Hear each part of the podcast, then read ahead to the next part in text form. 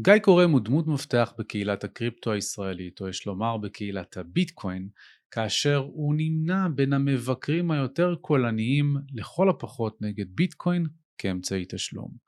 הזמנתי אותו לפודקאסט מדברים קריפטו על מנת לדבר על הצדדים השליליים שהוא רואה בביטקוין בתור אמצעי תשלום, על הוכחת ההחזקה למול הוכחת העבודה, על החיבה של גיא לפרטיות כמשהו שהוא רואה בו כהכרח אה, כשיוצרים כסף דיגיטלי חדש, אז דיברנו על פרוטוקולים כמו מימבל ווימבל, ואיך הוא בא לידי ביטוי בגרין ובבים ופרויקטים נוספים לאורך הדרך שגיא היה מעורב בהם, כמו גם בפרויקט המוכר הישראלי קספה.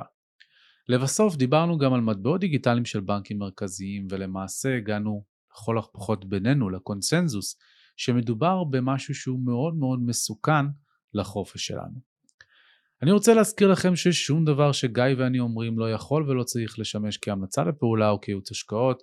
אנחנו לא יועצים פיננסיים, תעשו את המחקר שלכם עבור עצמכם וכמובן תקבלו את ההחלטות בהתאם. אם אתם אוהבים את התכנים שלנו ורוצים לצרוך מהם יותר או אף להצטרף לקורסים השונים שלנו, אני מזמין אתכם לקריפטו ג'אנגל co.il, כמובן הלינקים זמינים לכם בתיאור הפרק. ועכשיו, קבלו את גיא. גיא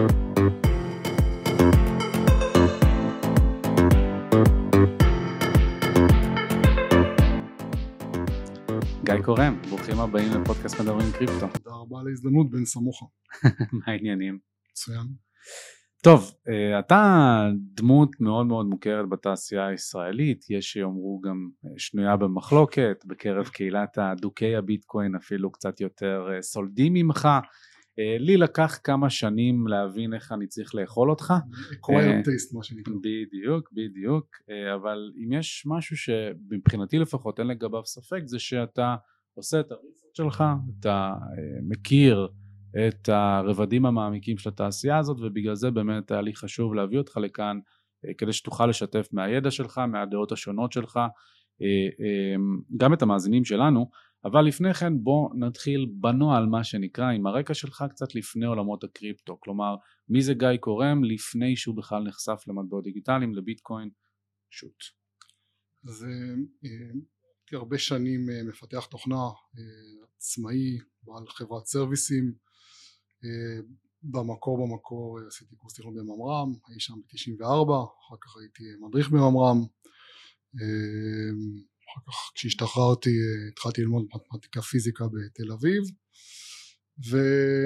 ואיפשהו ב-2004 אה, כשברודקום קנתה את החברה האחרונה שעבדתי בה בתור שכיר סיליקוונט אה, עשיתי חשיבה אם כדאי לקפוץ לעולם הקורפורט והחלטתי לצאת החוצה ולהתחיל להיות עצמאי. יחד עם שותפים הקמנו חברת סרוויסים שנקרא אפטוקום עשינו פיתוח תוכנה Embedded ו-Device Driver Development גלגלתי ככה כמה שנים עד שאיפשהו בסוף 2010 אחד הלקוחות הגדולים שלי אינטל שכנעו אותי לחזור להיות שכיר. זה היה די טראומטי.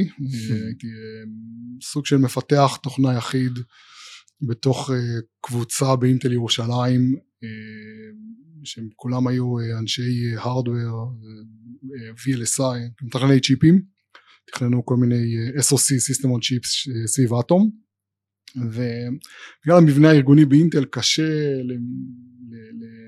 לאיש תוכנה יחיד לתת איזשהו אימפקט אם ארגון שלו הוא לא ארגון, אה, לא ארגון תוכנה. אז השתעממתי למוות שם במשך שנתיים עד שעברתי לקבוצה אחרת. ותוך כדי השעמום שלי נתקלתי בתחילת 2011 נתקלתי בביטקוין אני זוכר נכון זה הכתבה בלינוקס ג'ורנל על, על ביטקוין ועל ביטקוין mining ממש ממש בהתחלה. ואני זוכר שכאילו אמרתי לעצמי מעניין כאילו פעם ראשונה שהצליחו לפצח את האפשרות לבנות digital scarcity כאילו נדירות דיגיטלית ועושים את זה בצורה שהיא מבוזרת בצורה שהיא לא, ללא גוף מרכזי ששולט על זה. קראתי במשך שבוע שבועיים כל, כל פיסת חומר שהייתה קיימת אני זוכר. שאז לא היה הרבה גם. לא, לא היה, היה מספיק כאילו עדיין די הרבה לקרוא את הכל מקור והכל. אמ, גרתי, אני עדיין גר בנתניה, והתעצלתי כל פעם לנסוע לירושלים, אז הייתי, היה לי מין כזה בוס אורחים, קוביקל אורחים באינטל יקום, זאת אומרת, אני יושב שם בקיוביקל וקורא, קורא, קורא, קורא, ולעצמי, או, יש פה פוטנציאל, זה משהו שהוא כאילו, או, או מיליון או אפס, כאילו, או הרבה מאוד או אפס, אני רוצה לקנות קצת ביטקוין. אז תכננתי לקנות 20 אלף דולר worth of ביטקוין. כן, ביטקוין אז נפל משני דולר לחצי דולר משהו כזה ואני זוכר את עצמי קונה 20 אלף דולר עדיין לא קונה 20 אלף דולר של ביטקוין קונה את ה-20 אלף דולר ונעמד מול הטופס בבנק הפועלים שצריך להסביר למה אני שולח את הכסף ליפן. זה היה מאונט גוקס האפשרות היחידה לקנות אה, ולא לכרות. קצת בהמשך קצת כריתי בתור משחק אחר כך כשזה, כשזה עוד היה אה, בעיקר משחק של GPUs איפשהו ב-2012 אה, אבל בתחילת 2011 אה, לפני הקפיצה ל-30 דולר שקרתה במהלך 2011 סביב חצי דולר אז נעמדתי מול הטופס של בנק הפועלים וצריך להסביר למה אני שולח את הכסף למאונט גוקס אמרתי כאילו fuck this shit אין, מצב זה לא, לא נופל על אף רוביקה וויתרתי. אז זו הפעם הראשונה שהפסדתי אני רוצה לקנות עשרת אלפים דולר worth off בחצי דולר זה אומר עשרים אלף ביטקוינים כפול ערך הביטקוין היום זה חצי מיליארד דולר זו הפעם הראשונה שהפסדתי על הנייר. חצי מיליארד דולר כמובן זה שאז, כמובן בדיוק אם לא היית מוכר אותם הרבה כן. לפני. הסיפור היה הרבה יותר עצוב אם כן הייתי קונה כי הייתי מוכר בשני דולר והורג את עצמי. אז זאת החשיפה הראשונה לביטקוין אחר כך ב-2012 אחרי כאילו כבר בקבוצה אחרת באינטל עושה פרימר למצלמת עומק. אה, פה לשם שינוי גם קצת עובד, אה, קבוצה מעניינת ביוקנעם הפעם, שוב פעם נחשף לביטקוין המחיר שלו היה סביב 10 דולר אה, בתחילת 2012 קצת קריטי והחשיפה הבאה הייתה כבר בתחילת 2013 שוב פעם משועמם למוות באינטל ולאורך כל הזמן הזה אתה עדיין מתעדכן, אתה עדיין לא יודע מה לא, עוקב בביטקוין טוק, או שאתה לא, לא, שוכח לא. מזה לא, וחוזר לא, לזה? לא, כאילו, חשיפה ראשונה 11, 12, קצת קריאה, ו-13, ב-13 נדלקתי, אה, ונדלקתי ומאז אני דלוק. אה, זה, זה היה, אה, שוב אני זוכר עצמי בקיוביקל אחרי, אחרי bring up של איזה צ'יפ למצלמת עומק, ואני קורא אנגאדג'ט, אני נתקל בכתבה על ה-ASIC miner הראשון, על כזה, רואים חדר בבוסטון עם ייפו האיש שאחר כך שיווק את אבלון ועם צ'רלי שרם אה, מחזיקים משהו שעומדים ליד משהו שנראה כמו PC, אז היה ה-ASIC miner הראשון של, של אוולון עם אה, כתובת על הקיר באנגלית אה, אנחנו מאמינים אה, בכסף אמיתי gold ביטקוין וכן הלאה משהו כזה ו... אם, אם אני אוכל רק להשתחל אם תוכל להסביר במשפט שתיים מה זה ASIC miner לטובת מי שלא כן. מכיר. אז, אז ציינתי ב, ב, שה mining הזכרתי כשפעם היה mining שמבוסס GPU אז הדרך לייצר הדרך לחתום על עסקאות בביטקוין וכ by-product לייצר אה, מטבעות חדשים נקרא mining וזה מין אה, תחרות מתמטית כזאת על, על פתרון פאזל. אה, שהפאזל צריך להיות מוגדר לפי חוקים מסוימים. כל אחד יכול לייצר את הגרסה שלו של הפאזל. כלומר כל אחד יכול לחתום בלוק איך שהוא רוצה. זה חשוב כי כשאתה חותם בלוק אתה מציין בטרנזקציה הראשונה ב coinbase transaction מי יקבל את ה... מי, מי יקבל את ה-reward, את, את הביטקוינים החדשים. אז כל אחד מייצר גרסה חדשה שלו של הפאזל ומנסה לחתום את הבלוק, זה אומר, זה אומר אה, אה, לעשות הרבה מאוד חישובים חוזרים של אה, איזשהו אלגוריתם שנקרא SHA-256, לנחש כן. מספר, שקשה מאוד לנחש אותו ואם אתה מצליח אתה מפרסם את זה לרשת כל הרשת מכירה בזה שאתה זה שהצלחת לחתום את הבלוק ולקבל את המטבעות אז, אז הדור הראשון אה, סטושי נקמוטו הממציא של ביטקוין אה, אה, ייצר את התוכנת קריאה הייתה משולבת בארנק היית מפעיל את הארנק וגם קרית וזה היה CPU based מהר מאוד כמה חודשים אחרי כבר היו גרסאות הראשונות שהם היו GPU based כרטיסי, כרטיסי הצעה גרפיים חגגנו לא מזמן את הביטקוין פיצה דיי, לזלי הבחור שמכר כמה פעמים פיצות, סליחה, קנה כמה פעמים פיצות במחיר של עשרת אלפים ביטקוין לשתי פיצות, היה אחד מה-GPU מיינרס הראשונים, כן, הוא היה מונופול של, של 2011 hmm. ואחר כך עברו ל-FPGA שנותן FPGA זה, זה, זה, זה רכיב, רכיב מתכנת מין צ'יפ כזה. אתה יכול להגיע איתו לביצועים דומים ל-GPUs אבל בפחות פאוור, בפחות חשמל, בפחות צריכת חשמל. ובתחילת 2000, סוף 2012, תחילת 2013 כבר עברנו לאייסיקים, כבר עברנו למגלים מוכללים, לצ'יפים יהודיים שכל מה שהם עושים זה לפתור את הבעיה, לפתור את הבעיה של ביטקוין. זאת אומרת אם לפשט את זה באמת זה סוג של מחשב במרכאות שנוצר במטרה אחת בלבד וזה לכרות ביטקוין על ידי פתירת אותם פאזלים. נכון. ואם אני אוסיף על זה רק אז ב... לא זוכר איזה מספר פרק זה אני אוסיף אותו בתיאור הפרק אבל אירחנו גם את גדי גליקברג אה, פרק שלם על תעשיית כריית הביטקוין ומאחורי הקלעים שלה אז אני מזמין אתכם המאזינים גם להקשיב לו. כן תמשיך סליחה. גדי חבר טוב ויקר ומי שעשה אה, ומי שאתה עשית את ההיכרות איתנו כן. אה, היה איש ה marketing שלי בספונדוליס נגיע בהמשך לספונדוליס. שותף בעבר ושותף בעתיד לכל מיני hmm. מיזמים אז אמ, עוד מילה אחת לגבי ה- ASIC mining זה, זה נכון שזה מחשב אבל העניין הוא שהעלויות ייצור הראשונות שלו הן מאוד גבוהות. כדי לייצר tape-out כדי לייצר את הצ'יפ הראשון צריך לייצר מסכה מיוחדת זה יחסית יקר.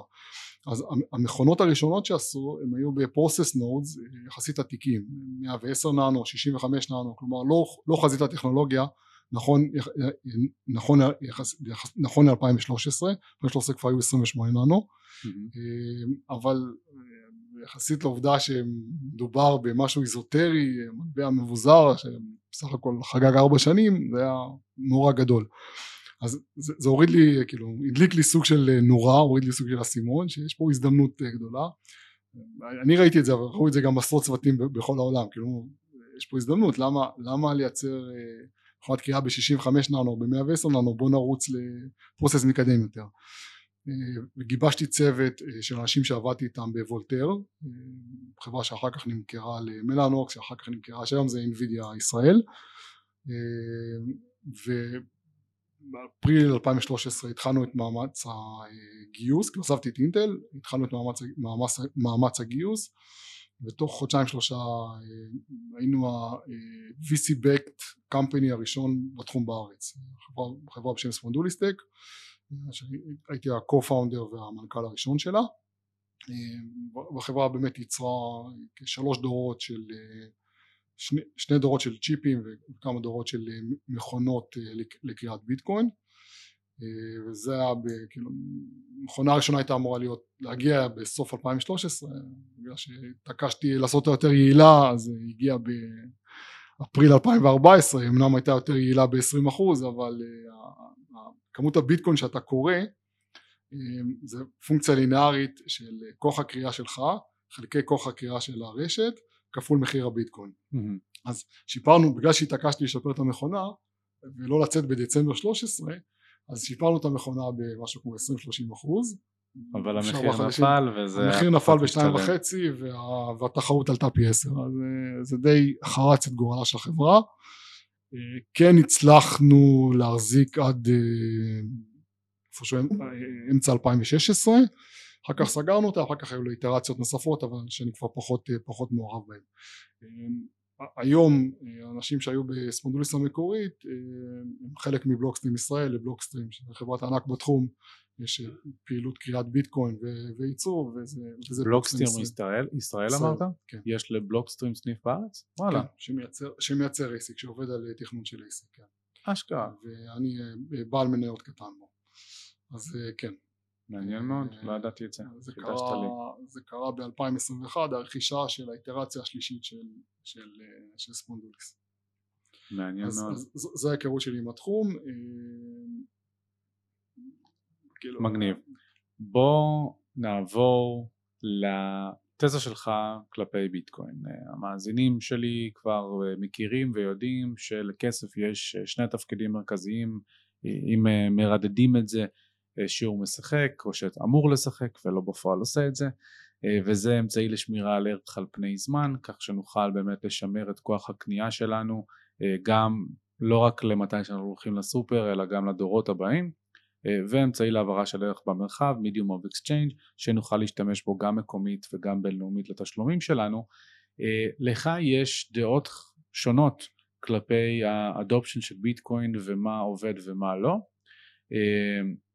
ואני משער שבין היתר גם בגלל הדעות האלה נקרא לזה תמכת בביטקוין קאש או בי קאש שזה למעשה אה, אה, פיצול שנוצר מביטקוין אי שם ב-2017. אז אני אחלק את השאלה לשניים, קודם כל תסביר קצת את התזה שלך כלפי ביטקוין, איך אתה רואה אותו, האם בעיניך הוא מוצלח ואם כן בתור מה, ולאחר מכן אני רוצה שנפרט על ביקש, על המעורבות שלך שם, אה, ההובלה שלך כאן בישראל ומה הוביל אותך לעשות את זה. אז הרבה מיסקונספצ'נס, נגיע אליהם, נגיע אליהם, בגלל זה אני מציף את זה כאן. נגיע אליהם ונתקן אותם. אמ, אז אה, נתקלתי באחת הקבוצות בגרף מצוין שמראה את אה, הסלרי אה, מול כוח הקנייה, כן, אז ב-1980 עם בשעת עבודה, כאילו לוקחים את השכר הממוצע בארצות הברית, שעת עבודה, יכולת לקנות שישה המבורגרים. והם מסתכלים על שכר, סליחה שכר המינימום, לא שכר המינימום, לא שכר הממוצע. ואם מסתכלים על שכר המינימום 2023 אז נכון שהוא כאילו דולרית במספרים הוא גדל משמעותית אבל אתה יכול, בקושי יכול לקנות איתו ביג אה, מק אחד אז כאילו מראה לך מה, אה, כמה, כמה כוח הקנייה אה, של השכר שקיבלת נשחק לאורך השנים. אני עוצר אותך לשניונת ואני אבקש שתתקרב למיקרופון פשוט. סליחה. כן, תודה. אז אני חושב שהקילר use case של ביטקוין by far הוא store of value שמירת שמירת הערך, שמירת הנכסים, זה נכון שיש עליות וירידות וזה נכון שכאילו ציפינו שהוא יהיה הרבה יותר מ-25 אלף דולר ב-2023 אמ, אבל, אבל אם מסתכלים על אה, העברת הון בין דורית או על, על שימור ערך הכסף אז זה שיש לך אסט אה, אה, שכללי המשחק שלו ברורים שיהיו רק 21 מיליון עד 21 מיליון העתקים ממנו שקצב הייצור שלו קבוע שאתה לא יכול לשחק איתו, שאתה לא יכול לעשות כל מיני פולי שטיקים אה, ולהדפיס כמה שאתה רוצה וזה ברור, זה, זה עושה כל כך הרבה שכל, כל i-network individual, כל family office, כאילו עושה שכל להקצות, 1% 2% מהאסטים שלה בביטקוין ובגלל שההיצע מוגבל בסופו של דבר הערך יעלה. אז אני חושב שזה by far הקילר יוז קייס של ביטקוין לפני כל דבר אחר לפני פעם חשבו שאפשרות לשלם לוויקי ליקס או אפשרות כאילו לעקוף כל מיני אה, מנגנוני אה, חסימה כאילו רצית אה, לממן את הטראקרים בקנדה אז, אז ביטקוין כן? זה, זה, זה, זה, שניח, זה זניח וזה, וזה בשוליים. ואני מאמין שכאילו הערך האמיתי של ביטקוין הוא נובע מסטור ואליו אני אשמח לראות, אני אשמח uh, להתבדות ולראות את רשת התשלומים, את רשת הברק הופכת להיות משהו מטורף שכאילו כולם משתמשים בו ו-medium of exchange אבל uh, אפשר, אמרתי את זה גם בהרבה, בהרבה דרכים אחרות, בהרבה, בהרבה מקומות אחרים, כאילו אתה משתמש בכרטיס אשראי, עובד מצוין, עובד out of the box בכל מקום, תעשה לו, תטעין אותו פעם בחודש אם יש לך ביטקוין ואתה רוצה, ואתה רוצה להשתמש בו אז גם לא רואה באמת זה, זה נכון שיש אה, תת use case של מיקרו אה, payments שקשה מאוד לעשות micro payments בפיאט כן? כי בגלל עלויות סליקה. אבל זה לא רק זה אם יש לך היום אה, שני מיליארד אנשים בעולם שהם unbanked וארבעה מיליארד שחיים תחת משטר אינפלציוני שבמסגרתו הם לא רוצים להיות חשופים לכסף פיאט המקומי בדרך כלל שזה מה שיתאפשר להם לשלם באמצעותו בדרך אלקטרונית כלשהי דרך המערכת הבנקאית או דרך חברות האשראי שלהם אה, אז יש כאן קהל יעד מאוד מאוד משמעותי שלא לומר העובדה שמבחינת ליקווידיטי מבחינת נזילות אה, אם אתה תלך פה לצ'יינג' אנחנו בבורסה ברמת גן ואתה תלך פה לצ'יינג' ליד ואתה תבקש להמיר את השקלים שלך לקרונה השוודית או לפזו הארגנטינאי או אפילו ללירה המצרית, אה, אתה תראה שאין נזילות. הספרד, כלומר העמלה שאתה תשלם תהיה עמלה ענקית, כי אף אחד לא רוצה להחזיק במטבעות האלה, אלא אם כן אתה מגיע לאותו גבולות גזרה, לאותו אזור גיאוגרפי, ושם אתה תוכל להשיג את הדבר הזה. אבל אתה גם תוכל להגיע עם ביטקוין ולהשתמש בו פשוט ככסף. כמובן אנחנו עוד לא שם, אבל מבחינת use cases קשה לי לראות איך אתה לא רואה את זה ואני אשמח לשמוע. אז אתה אומר שאני אה, פריבילג, חי, חי במדינה יחסית מערבית ולא רואה את הצרכים של הצרכים לא, של האנבנק. לא רק אתה, רוב האנשים שהם היום ביקורתיים כלפי ביטקוין זה מגיע מה-financial privilege של לחיות במערב שבו אנחנו מקבלים את, את מה שיש לנו היום כמובן מאליו. העניין הוא שלאנשים האלה יש פתרונות אה, די נגישים כל אחד בלוקל שלו כן? כל מיני ניאו בנקס כל מיני אה, אה, רשתות תשלומים מבוססות מובייל אם זה באפריקה. כלומר יש פתרונות שהם עובדים טוב עבורם. מתקשה לראות מיליארד אנשים פותחים ערוץ לייטנינג כן? זה די, די יפוצץ את, ה, את, את הבלוקצ'יין. את ה... כאילו יש מגבלה של כמות הערוצים שאפשר, שאפשר לפתוח. לכל מדינה, לכל jurisdiction יש את החוקים שלו, יש את הפתרונות שלו, לאיך איך כן לשלב את האנשים האלה בכלכלה העולמית. אני לא קונה את החזון האוטופי של אה, כאילו ביטקוין בכל מקום, בכל אה, צורך, בכל זה, זה חזון יפה, כן, יש ספר שנקרא The Age of Cryptocurrency שקראתי איפשהו ב-2016. אה, שמתאר מתאר כל מיני use cases, זה מתאר דוגמה לנערה באפגניסטן שהדרך היחידה שלה לקבל כסף זה, זה בביטקוין כי mm-hmm. אסור עליה אפילו לפתוח חשבון בנק אז זה יפה כאילו זה כן. יכול להיות אבל אני חושב שזה בשוליים דיברתי, דיברתי על ה killer use case ה killer use case של ביטקוין מאמין שהוא store of value לפחות ב... לגיטימי לגמרי וכמובן אה, כל אחד אה, רשאי לדעתו ואני אפילו כמו שאני תמיד אומר לחלק מהאורחים שאני לא מסכים איתם אני גם אלחם על זכותך להביע את דעתך. אגב, למי מכם שלא uh, שמע את הפרק עם רועי שיינפלד, הרחבנו שם על רשת הברק, על איך היא עובדת, מה היא מאפשרת, אז גם לשם אתם יכולים ללכת. נחזור לחלק השני של השאלה, וזה בעצם ה block size wars, מלחמות גודל הבלוק, שהובילו בסופו של דבר להולדותו של ביקאש.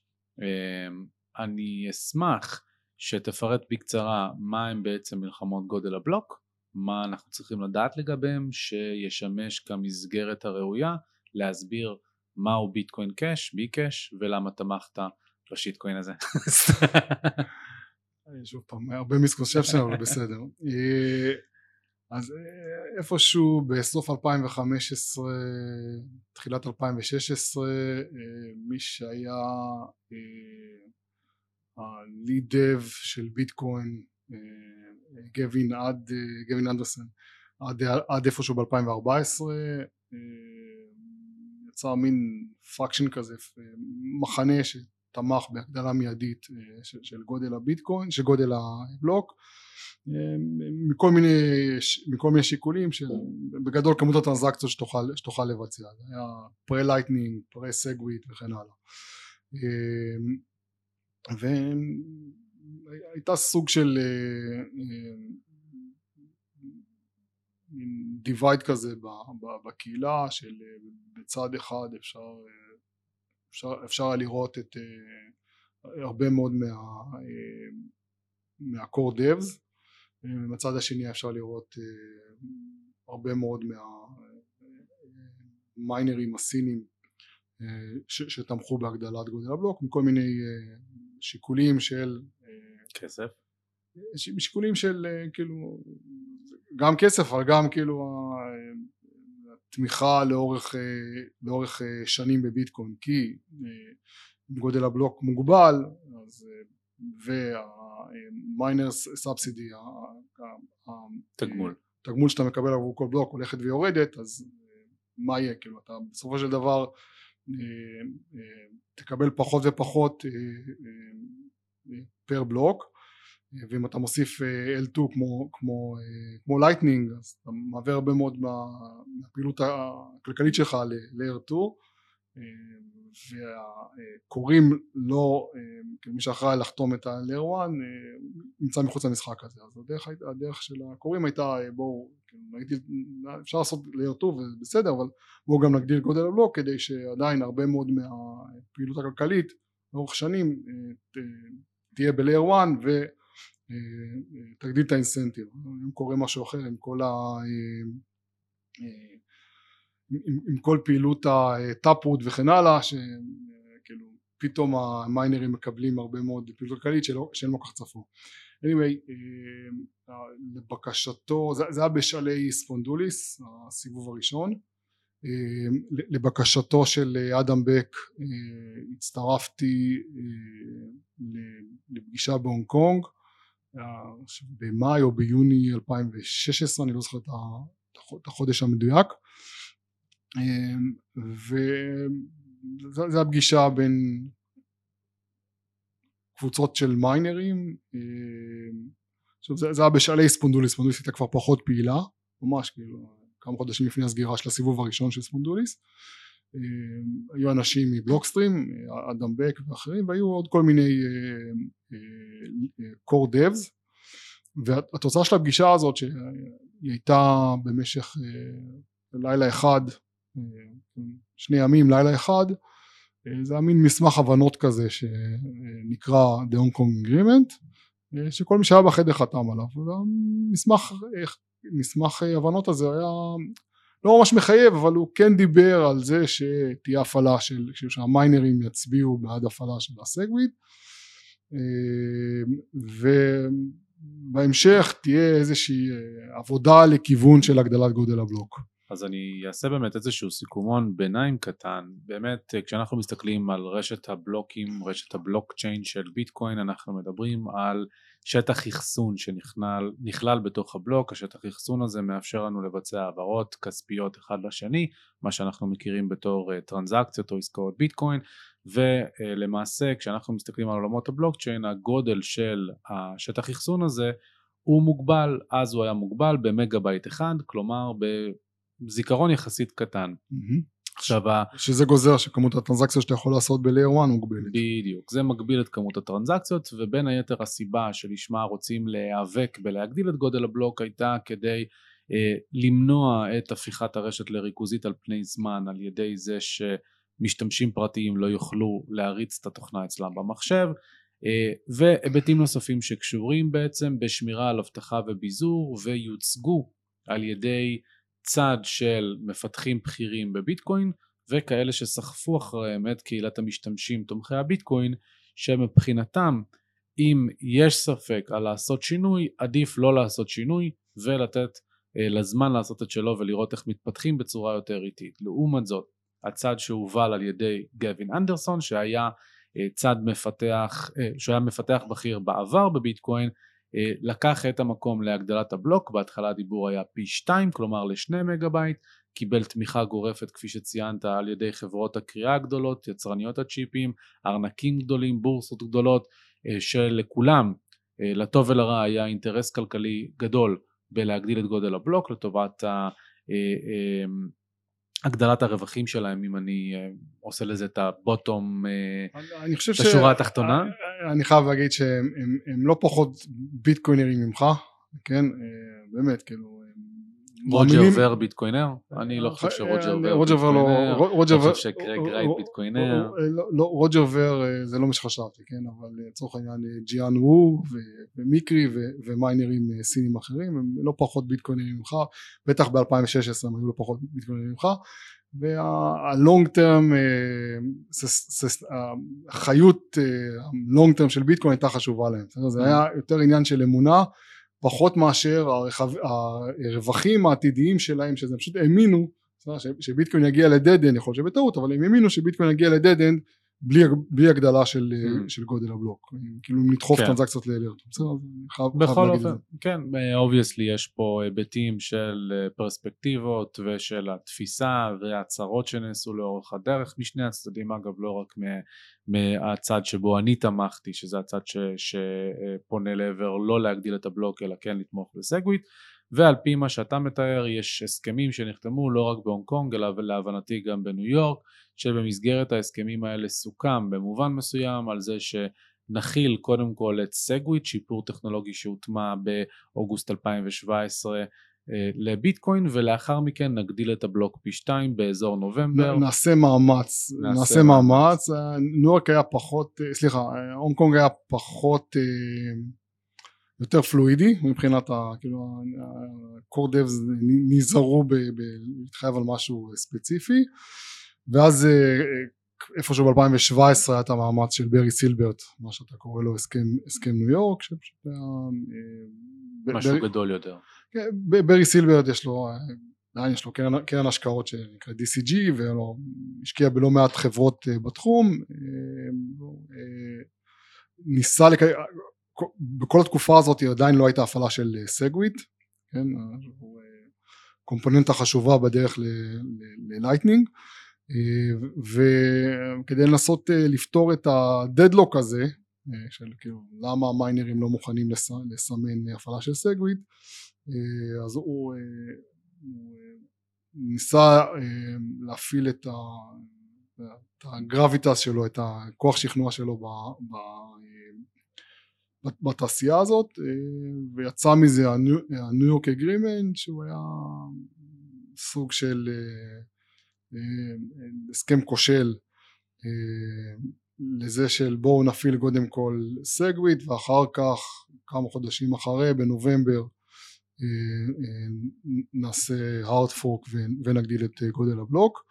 אה, אני בגלל ההשתתפות שלי בהונג קונג לבקשתו של אדם בק חתום על, ה, על ההסכם בהונג קונג ולבקשתו של ברי, ברי סילברט צירף גם את שמי להסכם להסכם ניו יורק. די היה ברור ממש חודש אחרי חודשיים אחרי די היה ברור שכאילו הסכם ניו יורק זה די דון רע וזה לא יקרה. גם כי פשוט אף אחד לא פיתח את הפורק כן היה ניסיון של ג'ף גרזיק מפתח עבר להציג איזושהי גרסה של, של הפורק שהיו בה באגים ו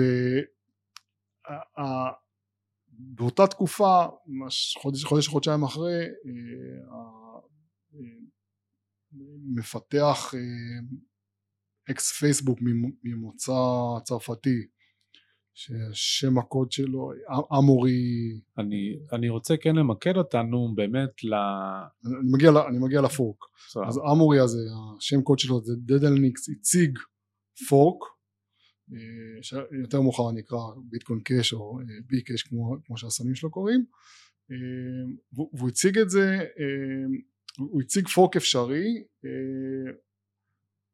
ללא קשר להסכם ניו יורק אוקיי? והוא קיבל תמיכה של ביטמן של ג'יאן וו ושל אחרים. רוג'ר קפץ על העגלה אחר כך אבל כאילו הפורק הופעל, אני זוכר זה הראשון באוגוסט כן, 2017. מפה לשם באמת בראשון באוגוסט אה, ביטקוין קאש אה, אה, נוצר על ידי פיצול של רשת הביטקוין, למי שלא מבין או יודע מה זה אומר, זה אומר שעד שלב מסוים ההיסטוריה של ביטקוין הייתה אחידה, תקפה לשני המטבעות ומאותה נקודת זמן, ב-1 באוגוסט באמת, הרשת כמו הזקנה באסי וגורי התפצלה לשתיים ומאותה נקודה מי שהחזיק בביטקוין קיבל גם Bitcoin Cash ברשת דיבידנד. אלטרנטיביים בעצם באמת דיבידנד אה, אפשר לומר שהערך של Bcash לפחות בהתחלה נגזר מסוג של שווי יחסי ששייכו לו ביחס לביטקוין אחרי זה ראינו אותו אה, כן. היה שם פעם מטורף, קודם עולה אה, ואז קורס בדיוק אנשים ילחצו אבל אני פחות רוצה להתמקד במה קרה משם ואילך אני רוצה יותר להתמקד בלמה אתה אומר שאתה חתמת על ההסכמים האלה לבקשתם של בק וסילברט ובכל זאת אה, אני הייתי... לא, בהסכם הראשון, בהסכם הראשון אה, כאילו שמחתי לחתום עליו, כאילו חשבתי, חשבתי שאני עושה משהו שהוא לטובת, ה, לטובת התעשייה. אה, לגבי הסכם, הסכם ניו יורק זה היה סוג של בוא נגיד ככה, פעילות מרחוק בלי יותר מדי חשיבה שלי, כן, לא דיברתי על זה אף פעם, אבל כן, כן יש לי איזושהי מעורבות, לזה תמיכה מאחורי הקלעים ב BIP 91, במי שפיתח את BIP 91, טוב לא ניכנס לזה, אבל שזה דווקא מתנגד לתמיכה שלי בניו יורק אבל לא משנה יש לי שם איזשהו מתישהו אני ארחיב על זה. ממש סקופ בלעדי למדבר. לא, כן, אה, מי שפיתח את זה הוא חבר טוב, הוא היה ex miner, ex מפתח firmware וכשהוא התחיל לעבוד על BIP 91 אז אה, נתתי לו סוג של moral support. אה, זה, זה נכון שבאותה תקופה העברתי את זמני ב trolling בפייסבוק אז אה, זה הסיבה שאולי החלטת לחסום אותי באיפשהו ב-2017 אבל כן אה, אה, בוא נגיד די היה ברור לי ביולי אוגוסט 2017 ש SegWit ש SegWit 2x ה fork של, של הסכם ניו יורק לא, לא באמת יקרה אבל זה לא הפריע לי להמשיך כן. להטריל אנשים אז זהו, אז, אז בעצם מה שאתה טוען כאן, אם אני מנסה לפרשן, זה שכשאני אה, הגעתי אז בצעירותי בתעשייה כמובן ל level שבו עצבנת אותי מספיק שאני אחסום אותך. התמחות שלי. אתה היית באמת, אה, אה, עשית את זה ממקום של trolling ופחות ממקום של אמונה שביטקוין ייכשל ו Bitcoin Cash הוא הביטקוין האמיתי כפי שניסו אה, לדחוף לנו? יצא לי לפגוש את קרייג רייט, לא לפגוש, כאילו לראות אותו על במה איפשהו בכנס, בהולנד אה, קצת לפני ה fork אה, של Bitcoin Cash ברור לי שמדובר בשרלטן אה, אגב היום הוא, היום הוא תובע הוא אמורי הבחור שעשה את ה fork ואחר כך מ Bitcoin Cash נהיו מלא מלא פורקים ומלא מלא ריבים בתוכם והיום יש תביעות כל הנוכלים רבים ביניהם. יש לו פיצולים על פיצולים על פיצולים ורייט תובע בין היתר גם את אמורי את המפתח הזה של שהיום עושה הפורק שלו נקרא אי-קאש כמו השם המקורי של ביטקוין לא הרבה יודעים שלביטקוין קראו במקור אי-קאש ככה pdf נקרא. אה, אז, אז יצא לי לראות את רייט, את רייט סלף פרוקלים סאטושי על הבמה וברור לי שמדובר בליצן. אפילו התבטאתי ככה ב live אני חושב בפייסבוק אה, אבל בסדר זה כאילו זה תקופה משעשעת.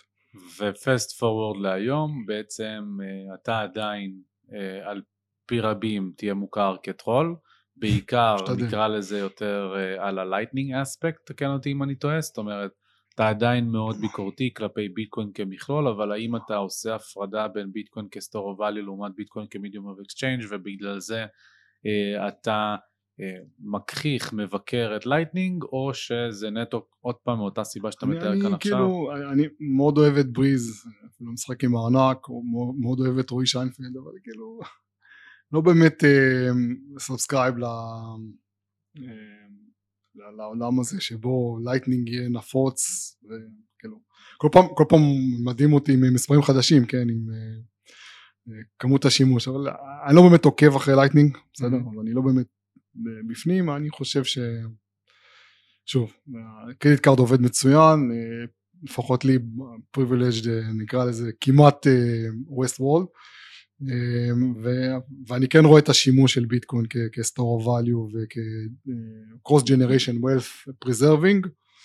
אמ, ופחות רואה את השימוש ב Lightning ובצורך ב medium exchange אבל אני אשמח להתבדות קורים לא מעט פיתוחים. גם אני אשמח שתתבדה. אה, בוא נעסוק בשאלה אחרונה שקשורה בביטקוין לפני שאנחנו עוברים לנושאים יותר של privacy שזה משהו שאתה אה, עברת עליו נקרא לזה עבדת עליו בקדנציה השנייה שלך אה, בתעשייה.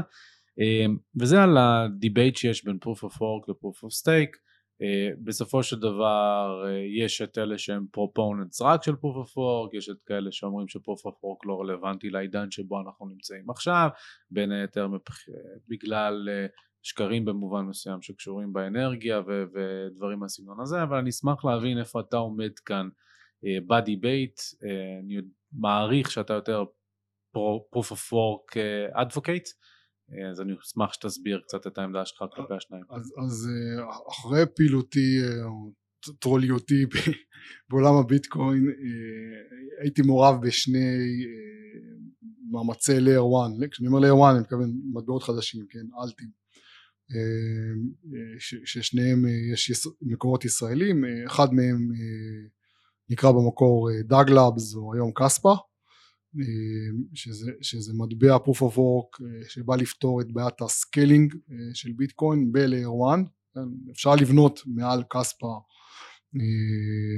Lightning Network וזה אפילו עושה שכל אבל כבר, כבר ב layer 1 אפשר להגיע למאות ובעתיד אה, אלפי טרנזקציות בשנייה כן יש לזה השלכות על גודל הבלוק וכן אה, דורש הרבה מאוד storage ודורש הרבה מאוד bandwidth אה, וזו תוצאה של מחקר של דוקטור פרופסור אביב זוהר ודוקטור נתן סומפולינסקי שגם התארח בפודקאסט מ... גם, גם את אביב זוהר אתה צריך לארח. אני רוצה.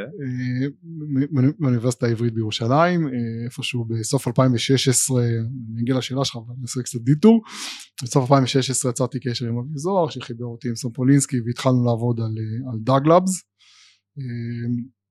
כשהרעיון המקורי המקורי היה לאחד, כאילו, כמו שהסתכלתי על ביטקוין אז יש לו מבחינתי כמה מגרעות, כאילו יש לו את היתרון הגדול זה שהוא הראשון וכולם מכירים אותו והוא באמת הסטור value האולטימטיבי רק 21 מיליון וכל היתר זה אלטים ולא מעניין הלאה אבל המגרעות שלו נכון ל-2016 זה קצב איטי של טרנזקציות כן 4 עד 7 טרנזקציות בשנייה אה, אה, very very slow finality כן כשאני אה, בא לשלם איתו שוב נכון ל-2016 לא מאז קרה Lightning אבל כשאני בא לשלם איתו אני לא יכול לעשות, אה, אני לא יכול לקנות בירה אלא אם כן מי שאני, מי שאני קונה ממנו את הבירה מוכן לקחת סיכון שאולי הטרנזקציה תיעלם, לוקח אה, עשר דקות לחתום בלוק בממוצע וכן הלאה.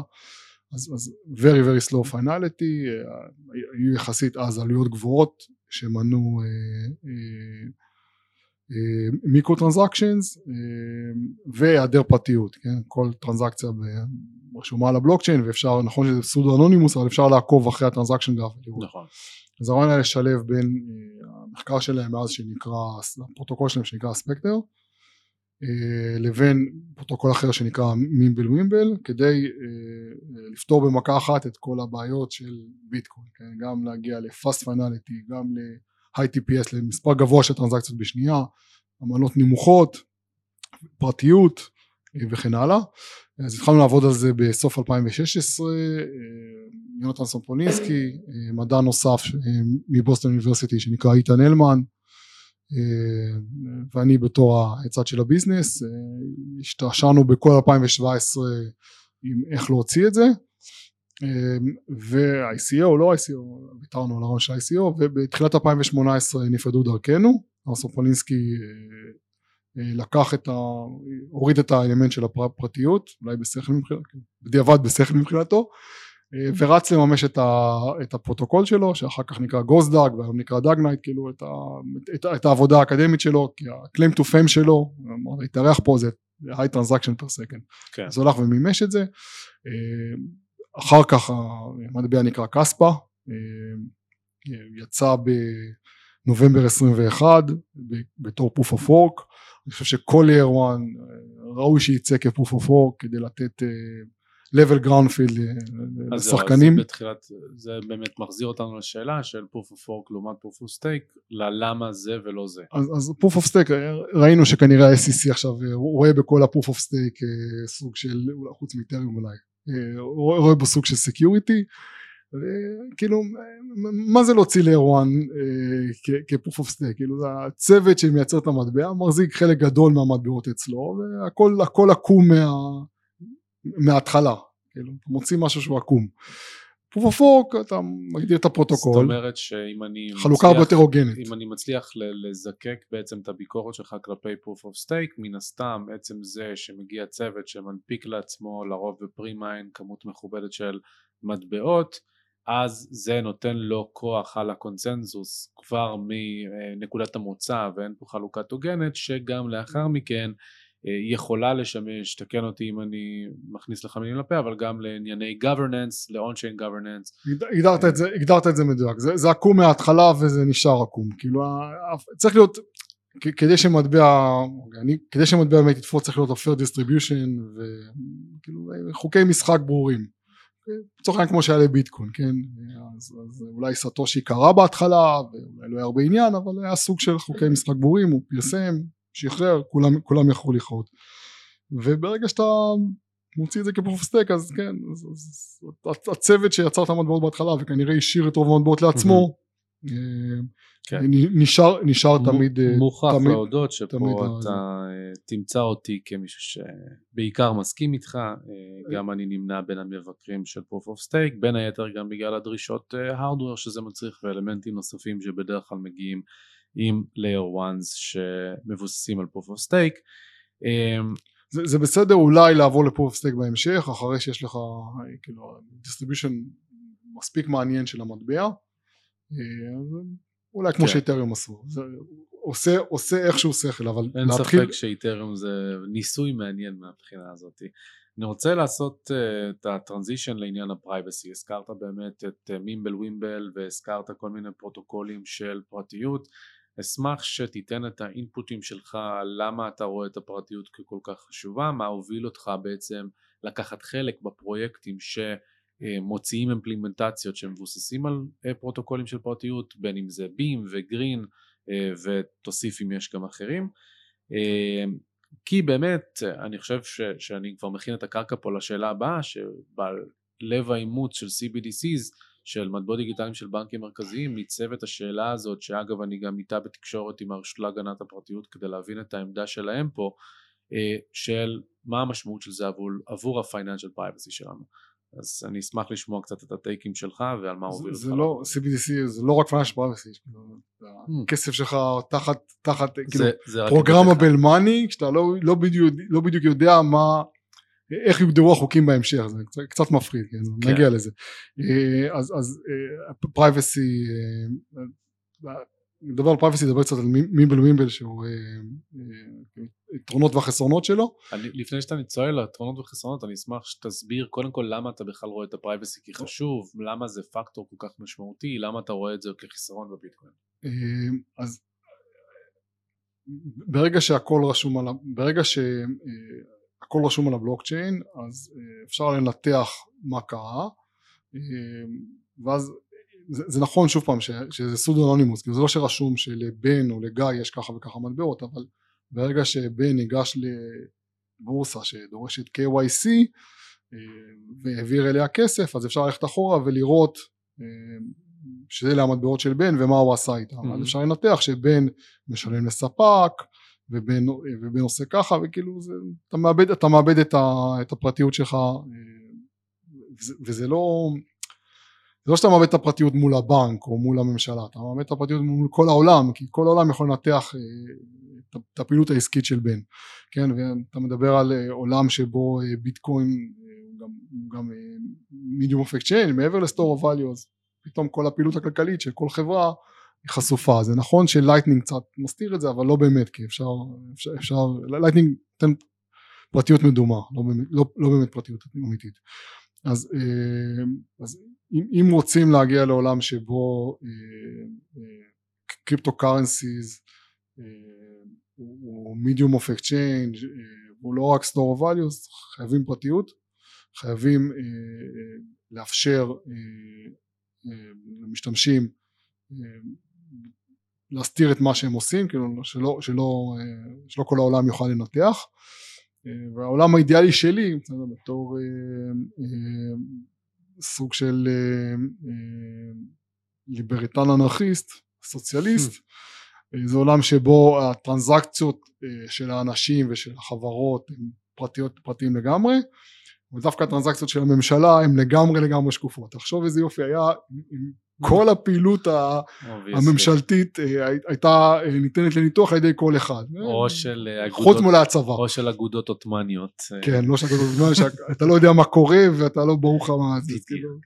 אם אתה פוליטיקאי, שכל הטרנזקציות שלך יהיו חשופות, בבקשה תראה את הכסף שלנו מגיע, זה עולם מדיח שעולם יהיה הרבה יותר טוב. כולל מה שאתה עושה בתיק המניות האישי שלך.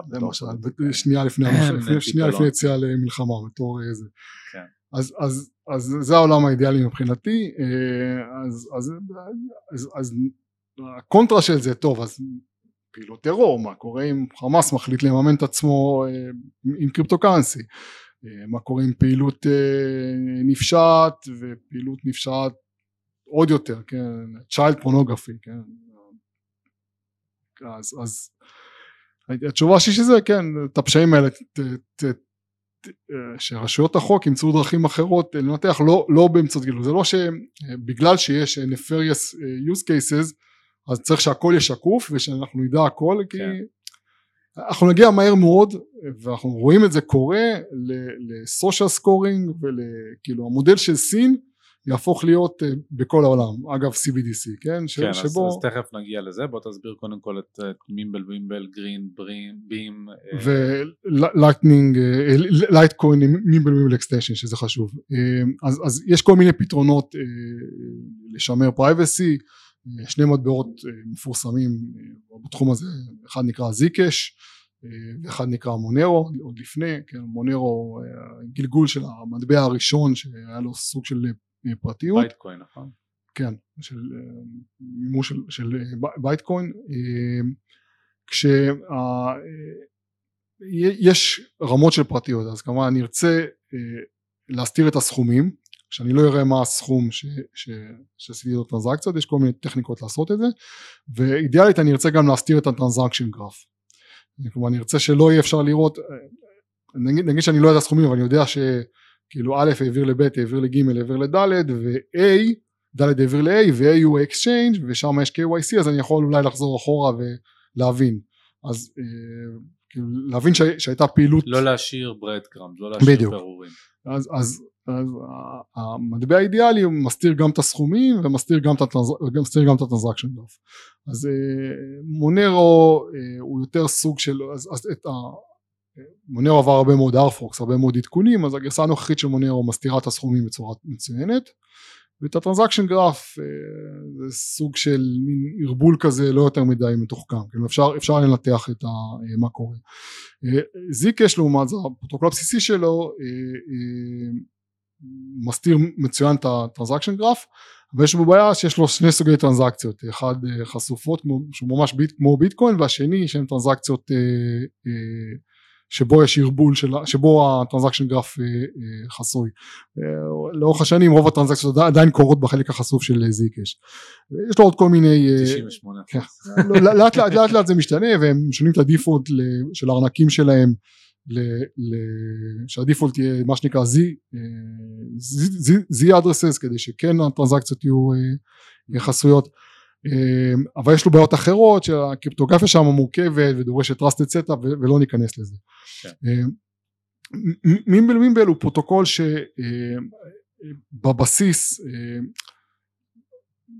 אמ, שומר יחסית טוב על ה transaction graph לא ברמה של Zcash יש איזה דרך לא צריך להסביר. כן, יש איזה דרך אה, אה, אה, לעשות לו איזושהי תוספת שגורמת לזה שהטרנזקשן גרף אה, חבוי בצורה די טובה, עדכון נקרא ללנטוס מיבל מיבל, אה, הוא שומר על ה...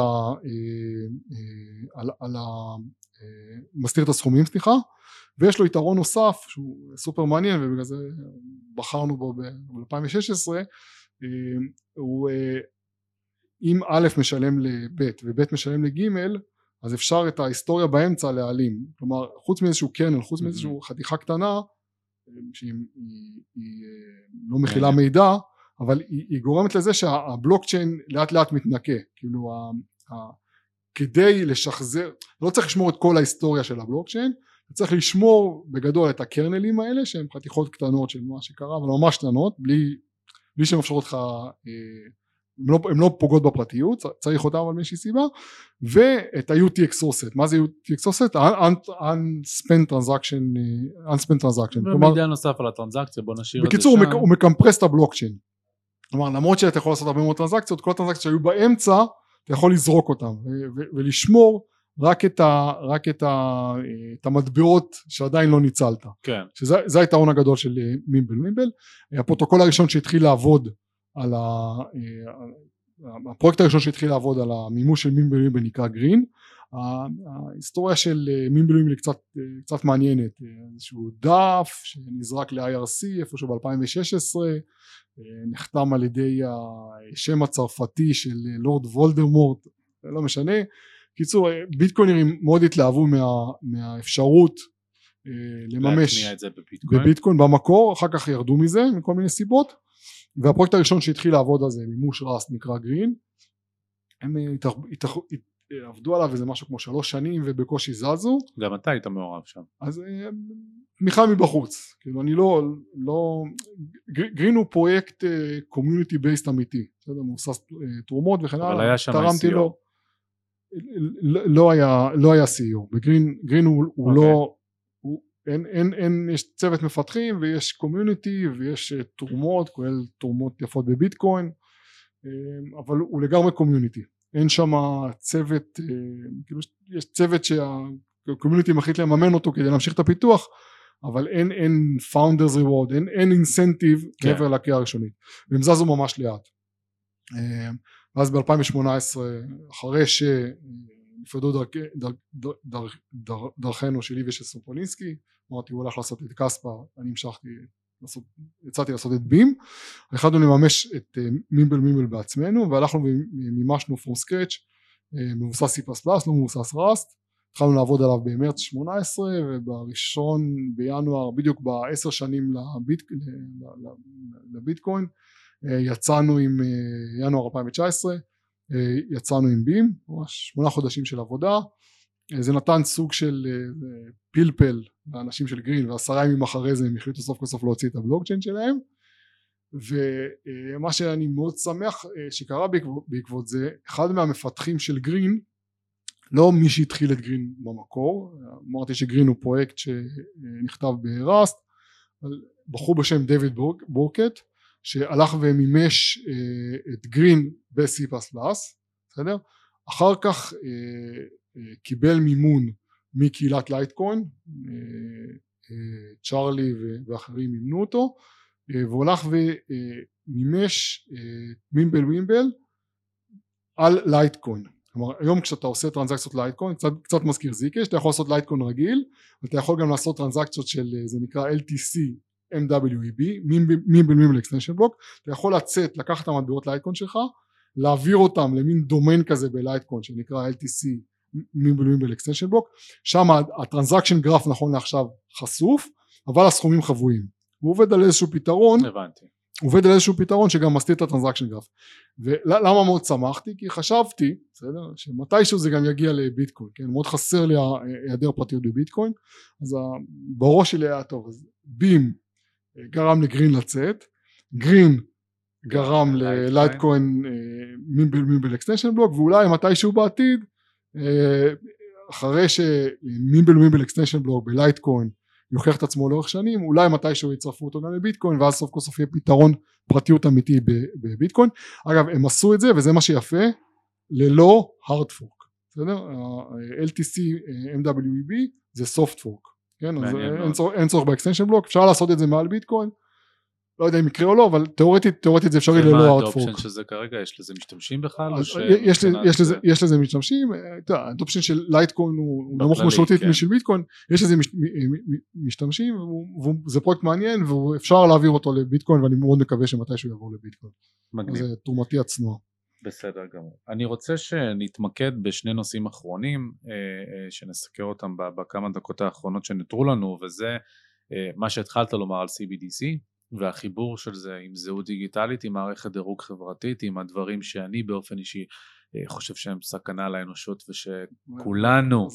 בלי יוצא מן הכלל וכן אני מסתכל על המצלמה צריכים לחשוב על הדברים האלו והדבר השני זה כמובן על האימוץ והתחזיות שלך למה יקרה בתעשייה בין היתר גם לאור האימוץ של CBDC אה, אבל קודם לכן מה אתה רואה אה, ב...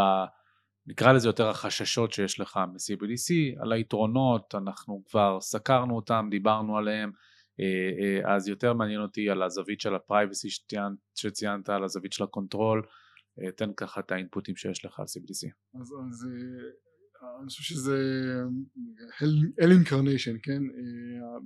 תחשוב שהגוף המרכזי הממשלה יכולה להחליט אה, אה, כמה כסף אה, תעביר ביום. אה, תוכל אה, לדעת למי שילמת בסדר יהיו כל מיני סייגי פרטיות אבל בגדול אה, תוכל לדעת כל דבר על מה שאתה עושה ולקחת כל מיני החלטות. עכשיו רואים את הדברים האלה בסין כן? בסין אתה לא יכול לעלות על טיסה אם ה social score שלך הוא לא מספיק גבוה.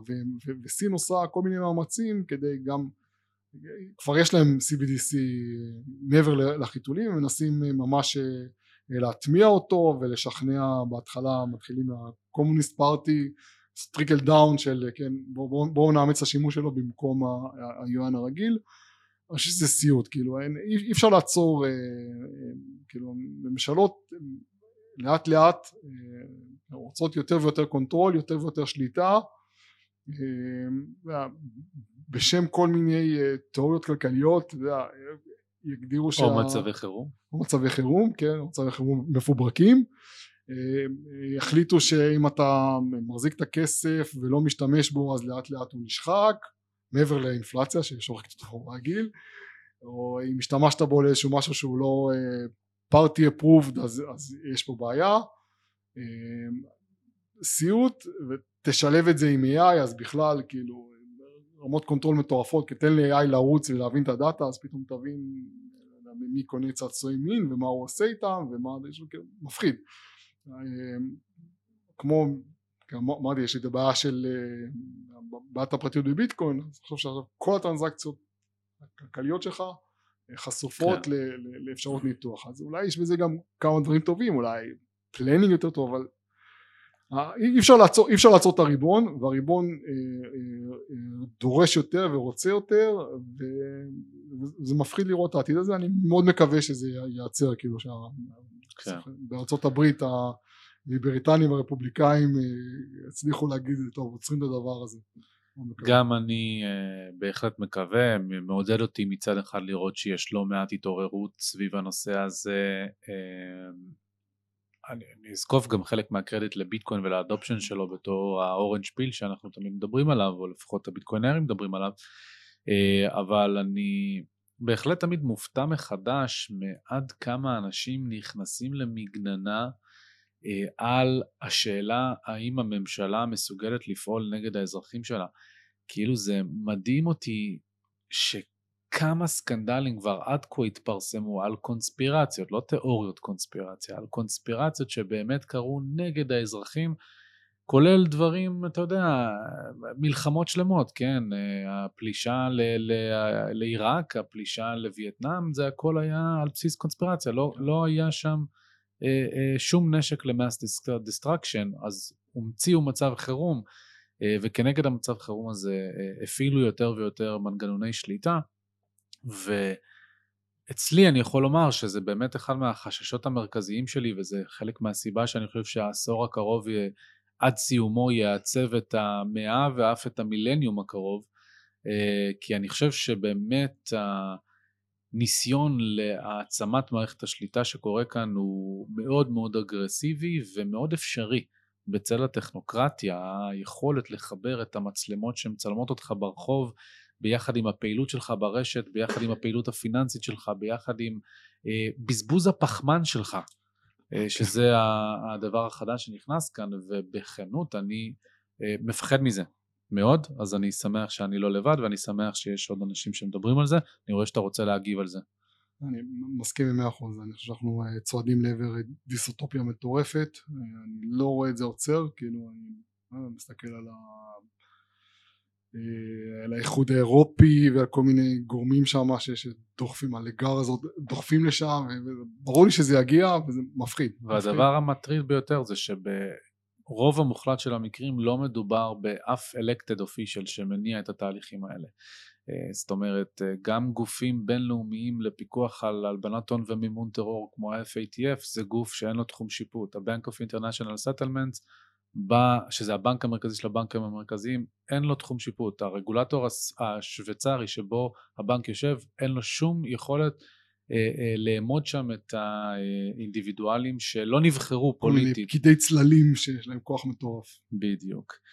אה, וזה מוביל אותנו באמת לשאלה האחרונה וזה על האדופשן של תעשיית הבלוקצ'יין והקריפטו. אני באופן אישי חושב שעצם זה שיש כאן אה, ניסיון להעצמת מערכת השליטה בצל אינפלציה, ובעיות גיאופוליטיות ושרשרת האספקה, זה באופן אישי, אני סבור שזו הסערה המושלמת לאימוץ של ביטקוין באופן ספציפי ותעשיית הקריפטו כמכלול, אבל יש ששואלים בצדק, גם ממה שאנחנו רואים בימינו אנו, שזה התביעות וההאשמות והיציאה נגד התעשייה מהזווית הרגולטורית הקיימת, וגם מצד שני מהאדופשן של CBDC והתזה של שנינו שאנחנו לקראת איזשהו ניסיון הגברת השליטה הטכנוקרטית, אה, איך אתה רואה בצל הדברים האלה את האדופשן של קריפטו? האם זה באמת קריפטו או האם זה ביטקוין ועוד כמה מטבעות?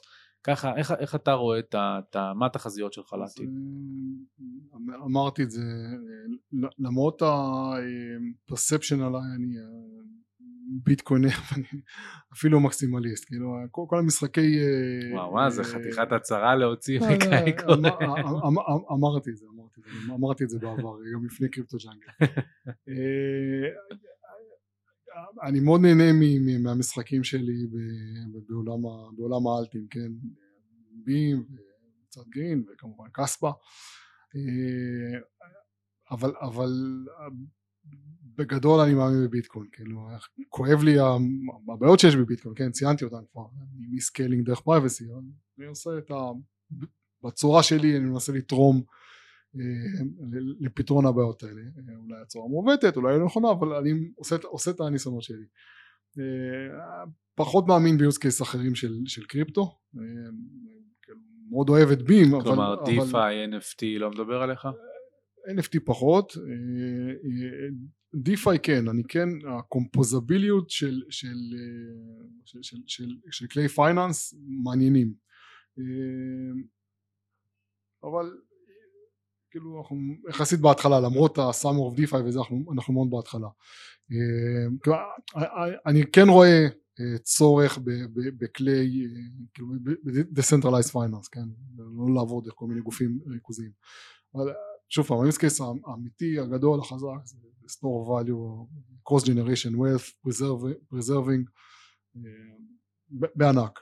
עכשיו אה, זה נכון שפעם ראשונה שביטקוין נתקל בתנאי מקרו אה, כאלה כן של, של ריביות מטפסות אה, ללא סוף זה כאילו ושל, ושל קיטון בכמות הכסף כן? יש גרף יפה שמראה את הגידול בכסף מול הגידול בערך הביטקוין ואת הקיטון בכסף מול ערך הביטקוין. אבל זה, זה temporary setback כאילו אם, אם זה לא יהיה טמפרס בסוף השיטה תתפוצץ כאילו בסוף הפייה תתפוצץ. אז ינסו מהאשז אה, אה, ליצור את ה-CBDC ולעשות עולם חדש וכן הלאה אבל יותר ויותר אנשים מבינים שזה הכל אה, רעוע וזה הכל רקוב וזה הכל על בלימה וכדאי שחלק מסוים האסט שלי יהיו ב... ב-unconfiscatable store value ביטקוין. גם רואים את זה כל הגיאופוליטיקל סיטואשן המלחמה באוקראינה וכן הלאה כאילו עושה שכל להחזיק אסט שאף אחד לא יכול אה, לקחת ממך כן? שקשה מאוד קשה מאוד לקחת ממך ולכן זה temporary setbacks כאילו ביטקוין נדבר עוד עשר שנים אני חושב שהמצב יהיה הרבה הרבה הרבה יותר טוב מאשר 25 אלף דולר לאיזה שאלה מה היה 1 דולר אני לא יודע. אבל כן. uh, עכשיו זה, זה, זה נכון שהתעשייה הזאת צריכה ניקוי מדי פעם כן? זה, זה, יש לי בעיות עם ה-SEC יש לי בעיות עם גרגמל קאנסלר. קח מספר. אבל, אבל, אבל אה, הוא לא לגמרי טועה כן גם, גם במקרה של קוינבייס וגם במקרה של Binance אז זה טוב שמדי פעם מנקים את כל החרא יש הרבה חרא בתעשייה הזאת אה, לא כזה נורא אבל יש את התעשייה ויש את ביטקוין שני דברים שני דברים שונים חד משמעית אה, קודם כל זה באמת מעניין אותי לשמוע שאתה כן אה, ביטקוינר במהותך ושאפילו... ביטקוינר לא ביטקוינים, נטול ביטקוינים, כן? אתה עכשיו לא מחזיק ביטקוין? אה, מכרתי את כולם בקו קורם, זה ידוע, לא? תספר באמת מה זה קו קורם הפופולרי. אז הודי בהיי, טען איפשהו ב-2000 19, לא זוכר, שמכרתי את כל הביטקוינים שלי ב-900 דולר. כל הביטקוינים שלא היו לי אף פעם, ציינתי שקריתי פעם ב-2012. גדול מאוד. כן, אודי, אה, הודי עושה אה, חיל בזירה הבינלאומית אה, בצעדים שלו להגדיל את האקוסיסטם. כן, כל אחד והקוסם הודי. האמת שאני צריך להביא אותו שוב. ה-180 מעלות שלו. כן, גם הוא התארח אגב בספטמבר, זה היה בשבוע איתריום 2. Uh, הוא התארח בפודקאסט אז גם לשם אני אשים לכם את הפרק זה, ב... זה לפני ה... ממש הפיכתו לקוסם הגדול לפני הפיכתו זה, כן צריך להביא אותו. לגמרי צריך אני אדבר איתו בהקדם uh, מגניב גיא היה מרתק שמחתי מאוד. שמחתי מאוד להתארח תודה רבה uh, דברים שאתה רוצה להשאיר לסיום החל מאיפה אפשר למצוא אותך לעקוב אחריך במידה ואתה יוצר תכנים ועד מילות לסיום שאתה רוצה להוסיף אז יש את הטוויטר שלי זה וי קורם VCOREM נכון לעכשיו זה בעיקר פוליטיקה ישראלית אני שקוע בזה עמוק אבל פה ושם אני גם נותן רפרנסים לקריפטו. אנחנו בתהליך exploration אנחנו עוברים כנראה לספרד בחודשיים הקרובים. מי שרוצה מוזמן מוזמן לבוא לבקר ואפשר למצוא אותי בטוויטר. מגניב מאוד. אני עונה לאנשים. פצצה תודה רבה גיא. תודה רבה. אם אהבתם את הפרק אני רוצה להזכיר אתכם לדרג אותנו באפליקציות השונות, תשאירו את התגובה, את הלייק, את השיתוף שיעזור לנו להגיע לכמה שיותר אנשים ואנחנו נתראה בפרק הבא.